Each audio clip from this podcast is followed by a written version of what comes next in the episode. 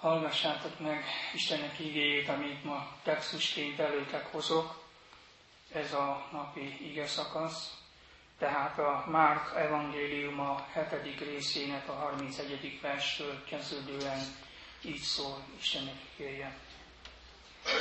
Jézus ismét elhagyta Tírus határát, és Szidonon át a Galileai tengerhez ment, a tíz város vidéken keresztül.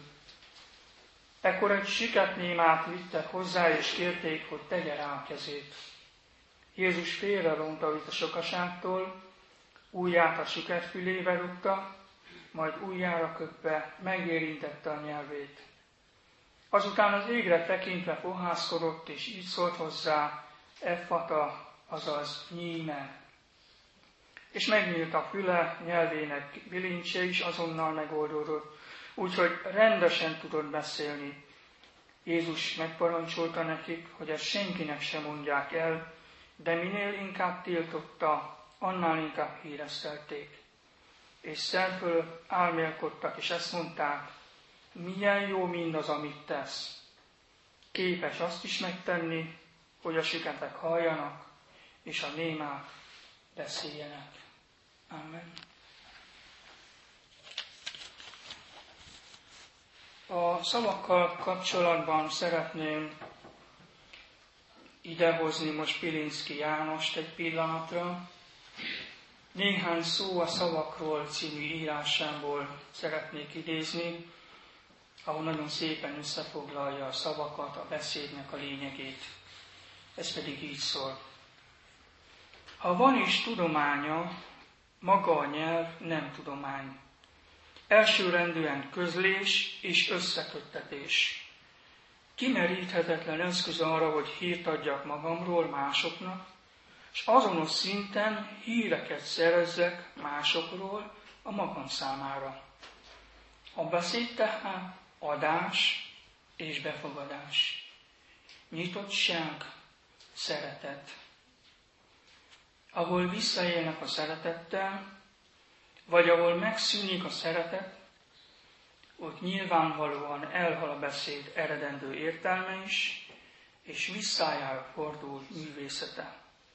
Ahol a beszéd a tagadást, az elkülönülést, az elidegenülést szolgálja, előbb vagy utóbb maga is elhal, elnémul, és ha tovább él is ez az élet, alig ha lesz több rákos burjánzásnál. A szeretet elhalása minden nyelvomlás igazi gyökere. És az így támad betegségek nem gyógyíthatja semmiféle tudós kezelés, nyelvészkedő gond, szerkezeti elemzés. Mindez azt is jelenti azonban, hogy a beszéd véghetetlenül több is, mint a szigorúan filológiai értelemben vett nyelvi kifejezésformák. A világ is beszél, csak meg kell hallanunk a szavát. Sőt, ezzel kezdődik minden beszéd, hallgatással, meghallgatással. Tehát újra csak nyitottsággal, vagyis szeretettel. De minden beszéd legmélyén csönd lakik. Isten minden beszédet felülmúló csöndje az a legfőbb és kimondhatatlan beszéd, mely szavainkban örökösen megtestesülni kíván, hasonlóképpen ahhoz, ahogyan az ígér testet öltött közöttünk. Ezért írhatta Pierre Emmanuel, hasonló, de sokkal gazdagabb elmekutatásai során, hogy minden gondolat, emberi szó, előfeszítése végső határán imádság. És ugyaninnét Simon Weil nagyszerű definíciója a költői zsenialitásról, mely szerint zseni az, aki szereti az igazságot, még akkor is, ha nem jutna tovább a puszta dadogásnál. A nyelv elsőrendűen nem a nyelvészet, még csak nem is a költészet, hanem az ember megszentelődésének, a szeretet teljességének és kiteljesítésének a gondja. A többi csak irodalom és filológia. Azért hoztam ma ide ezt a nagyon rövid írást, hogy gyakorlatilag egy picit rácsodálkozzunk arra, hogy milyen ajándékunk van. Én úgy gondolom, hogy az ember nem szokott ezen elgondolkodni, hogy van egy szép magyar nyelve. Nem szoktunk ezen csodálkozni, hogy, hogy tudunk beszélni. Ezen nem csodálkozunk, hogy olyan érzéseket, olyan gondolatot, sőt egy egész világot tudunk a másik ember elé tárni, és egy egész másik világot tudunk befogadni. Hát olyan érdekes testvérek, hogy amikor két ember találkozik, akkor két világ találkozik. Mert az a másik ember egy másik világ.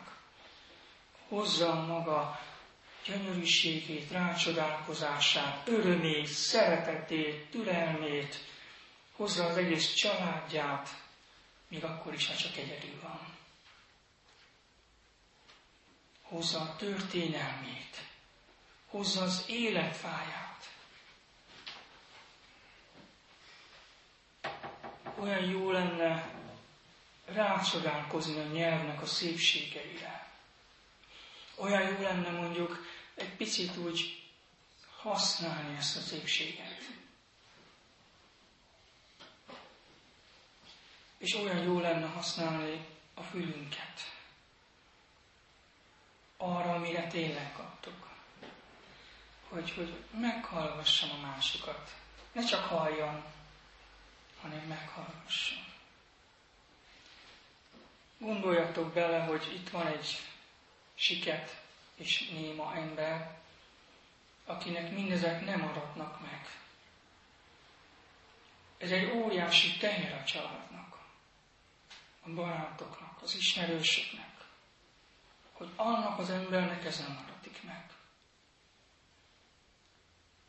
És nagyon sokszor azt kell, hogy mondjam, hogy mi magunk, amíg nem találunk rá az Úristenre, addig egy kicsit ilyenek vagyunk. Nem hallunk jól, nem tudunk jól beszélni, és hozzáteszem nehezítő körülményként, hogy nem is látunk tisztán. És az Istennel való találkozás kell ahhoz, hogy kitisztuljon a hallásunk, hogy helyesen használjuk a szánkat, és hogy valóban meglássuk azt, ami érték. Én úgy gondolom, hogy mindannyian, akik itt vagytok, ezt átéltétek. Úgy gondolom, hogy ezt átéltük. De a lényeg ebben az még, hogy valaki előtte odavitt az Istenhez. Nagyon sokszor nem mi magunktól megyünk oda, mert mi nem látjuk, nem halljuk, nem érzékeljük. Vagy az édesapát, vagy az édesanyát, vagy a nagyszülők. Én nem tudom, hogy ki volt, aki téged oda vitt az Istenhez. De olyan csodálatos ez, hogy valakik érted, küzdöttek, imádkoztak, könyörögtek, és oda vittek az Istenhez téged. És ebben a találkozásban az történt, hogy az Úr Jézus félrehívott. Nem a tömegben szólított meg, hanem személyesen téged szólított meg. Személyesen neked mondta azt, amit mondott. Téged ölelt át. Neked fogta meg a kezed. A te szemedbe nézett. És neked mondta azt, hogy megbocsájt. Neked mondta azt, hogy menj tovább. Neked mondta azt, hogy ezután köves engem. És az egészben az a szép, hogy ahogy itt a béna embernél az történik, hogy az Úr Jézus megérinti a füleit, megérinti a nyelvét, Ez annyit jelent, hogy ennek az embernek máshogy nem lehetett volna elmondani, hogy mi is történik. Ő így értette meg. Neki ez volt a nyelve. És az Isten, amikor téged szólít, akkor a te nyelveden beszél hozzá. Amikor veled beszél, akkor szerint hangon szól. De mindig úgy szól, ahogy szükséged van. Sőt, mindig úgy szól, ami javadra van. Van, amikor fent, és van, amikor szerint hangon átölel. Van, amikor a szeretet hangján szólal meg. De beszél veled, és megadja azt a csodát, hogy te hallod őt. Megadja azt a csodát, hogy érzed a jelenlétét. Megadja azt a csodát, hogy általa gyógyul a szád, a beszédet, a hangot, általa szebb szavakat formálsz, általa jobban el tudod mondani a másiknak, hogy szereted, általa egyre inkább kifejezed a pozitív gondolataidat. Megadja azt, hogy általa a hallásod is javul. Mert elkezdesz kíváncsivá válni a másik emberre. Elkezd érdekelni, mi van a másikkal. Mert a hívő embernek pont ez a tulajdonsága, hogy nem önmaga a fontos, hanem a másik ember. Elkezd érdekelni, hogy mi lehet a másikkal. Meg akarod hallani, hogy mi van a másik ember életében, és látni is akarod. Hogy amikor az ember szavak nélkül kifejezi a fájdalmát, amikor már szavakban nem lehet önteni ezt a fájdalmat, akkor te látod a másikon. Milyen sokszor úgy beszélgettem egy-egy emberrel, hogy azt mondta, hogy ezt nem lehet elmondani. Olyan nagy terheket is hordoznak emberek, amik kimondhatatlanok, amikre már nincsenek szavak. És akkor ott a tekintet, akkor ott a készfogás, és ott az imádság. Minket személyesen szólít meg, és személyesen használ az Isten. Pontosan azért, testvérek, hogy a másik ember javát keressük, és a másikért tudjunk valamit tenni.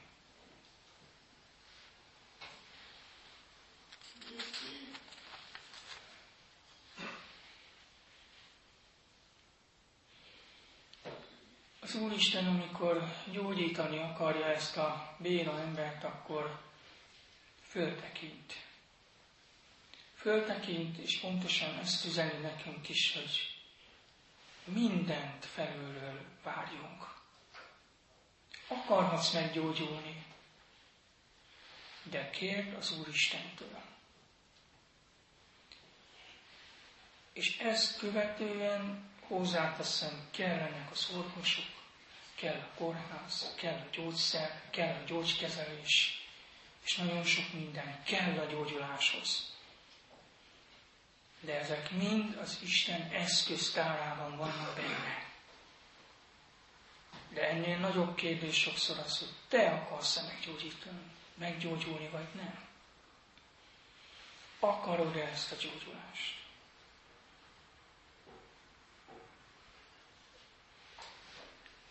Sajnos azonban a mi fülünk, a mi szánk és a mi szemünk nem tökéletes.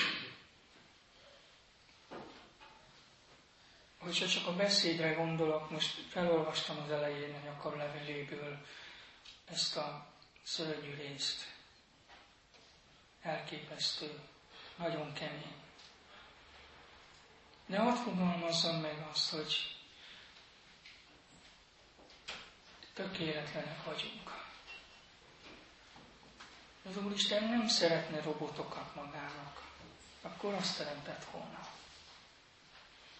Azt viszont szeretné, hogy minden nap törekedjünk arra, hogy kevesebb rosszul legyen, kevesebb bántás és több szeretet.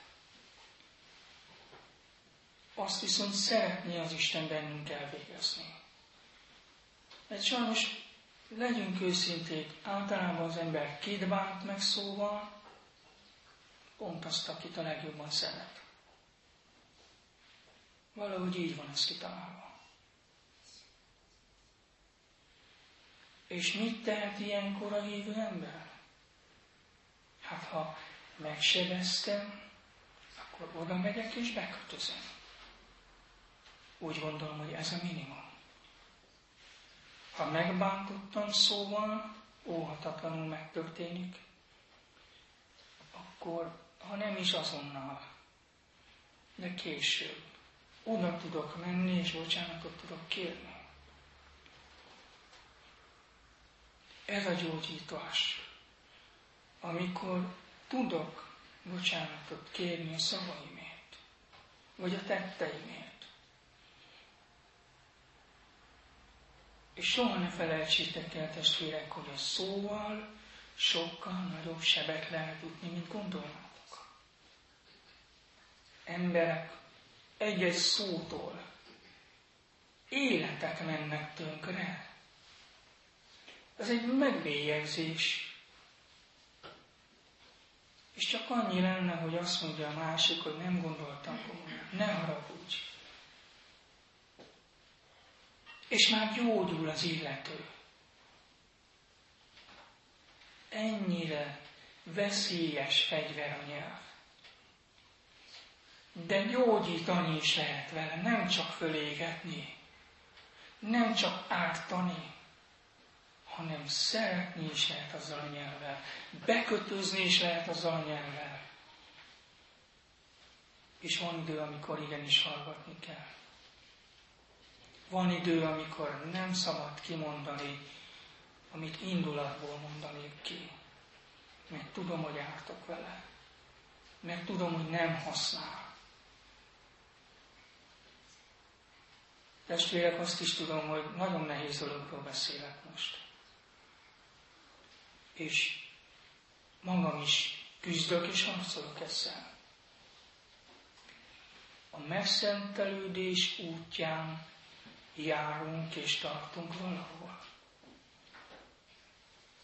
Biztos, hogy vannak eredményeid. Biztos, hogy etéren is elértél már sikereket. Csak azt mondom, így tovább. Tudsz te szeretni. Tudsz te kedves lenni. Ne felejtsétek el, hogy a nyelvvel, amikor kedves szavakat mondok a másiknak, az bizony egy szeretett nyelv. Van, aki csak így érzi azt, hogy szeretik. Hogyha kedves szavakkal látom el, vagy dicsérem meg. Ennyire komoly és ennyire fontos az, hogy odafigyeljünk a másikra egy-egy jó szó aranyat ér. Egy-egy kedves szó, testvérek, az egész házasságot, meg családot, meg minden helyre tudja rándítani.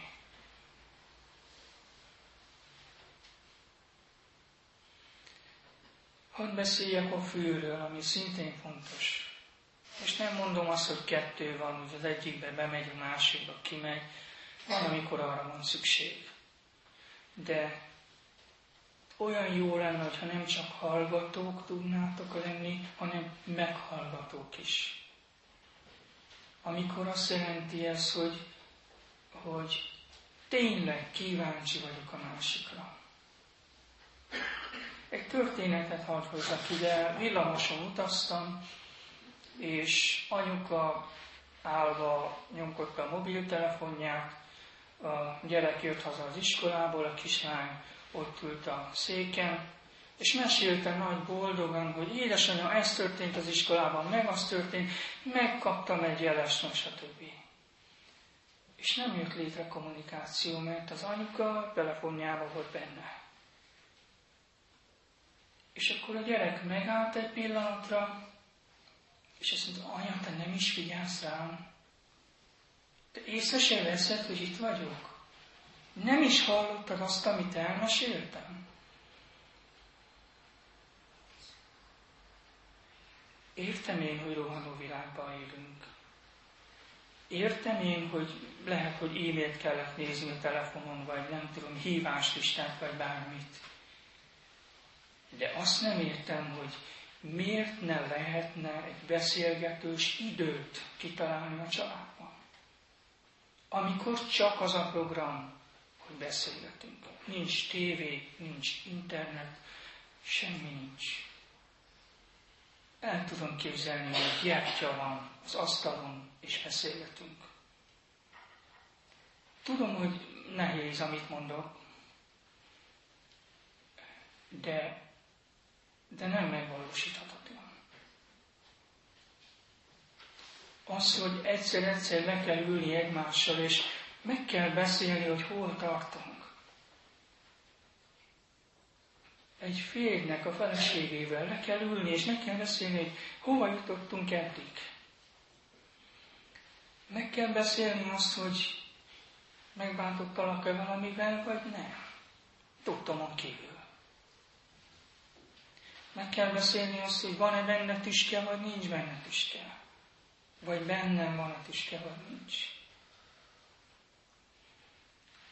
Úgy érzem, hogy ez a meghallgatás, amikor mindent kikapcsolok, se nem újságot olvasok, se nem tévét nézek félszemmel, beszélgettem én is már így, ment a tévé, feleségem oldalról nyomta, és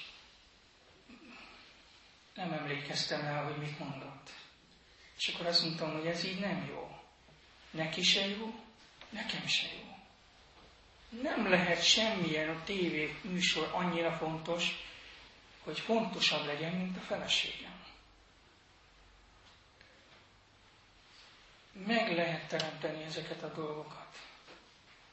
És nagyon fontos, hogy meghallgassuk legalább egymást. Meghallgassuk azt, aki ott van mellettünk. És tanuljuk meg meghallgatni, tanuljuk meg végigülni azt a tíz percet, hogy nem tudom mennyit.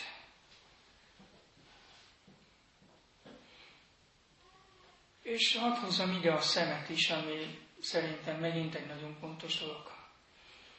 Főleg a férfiaknak úgy érzem, hogy nincsen szemünk arra, hogy meglássák, hogy a nőnek mi a baja, fájdalma. És nem akarok most senkit bántani, csak én magamról beszélek akkor. De lehet ezt is tanulni újra és újra. Vagy lehet törekedni erre a testvérek, hogy, hogy meglássam szavak nélkül, hogy baj van. Megértsem szavak nélkül, hogy valami nem stimmel. Valami nehézség van, valami fájdalom történt, amiről még sokszor nem is tud beszélni. És ilyenkor jön az, hogy csak látok, és én sem beszélek. Nem jövök elő a kész megoldásokkal, meg tanácsokkal, hanem csöndben leülök, és ott vagyok. Ez a látás, és ez a hallás. És úgy gondolom, hogy ezt az Úristen adja. Erre ő készít minket föl újra és újra. És újra és újra naponként nekem is szükségem van hogy gyógyuljak benne.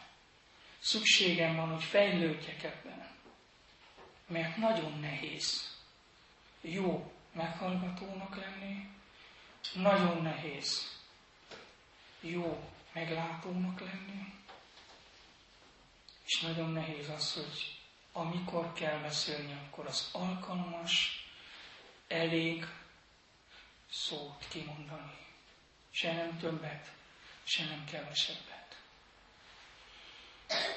Így gyógyítson minket az Isten ma, hogy igazi eszközei legyünk, pontosan abban a világban, ahol sem látnak, se nem hallanak, se nem éreznek, és azt hiszik, hogy mindent jól csinálnak. Nekünk kell, testvérek, kivinni a fényt, igét, bíztatást, bátorítást, és megfogni a kezüket, és elvinni Jézushoz. Így legyen. Amen. Csendesedjünk el, testvérek, és imádkozzunk.